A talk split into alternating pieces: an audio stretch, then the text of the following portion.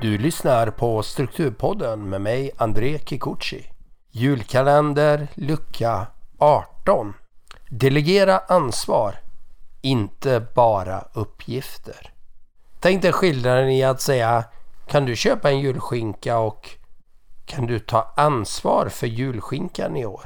Det första kan mycket väl innebära att personen köper en julskinka men sen måste du ordna med allt med tillredning, grillering och allting som den här julskinkan ska behöva gå igenom. Och du kanske också måste berätta alla delar.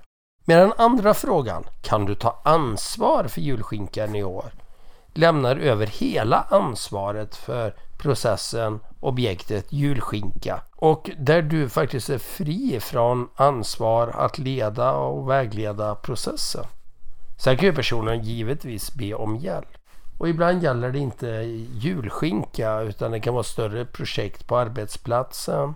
Om du delegerar så tänk på att ställa frågan på rätt sort så att du får ett svar som faktiskt innebär att eh, du delegerar ansvaret och inte bara en del av den. För då kanske du ändå måste vara kvar i hela processen. Och när en person har tagit ansvar då är det upp till den att själv be om hjälp. Så eh, tänk efter hur du är i ditt hem eller på din arbetsplats. Kan du delegera ansvar och inte bara uppgifterna?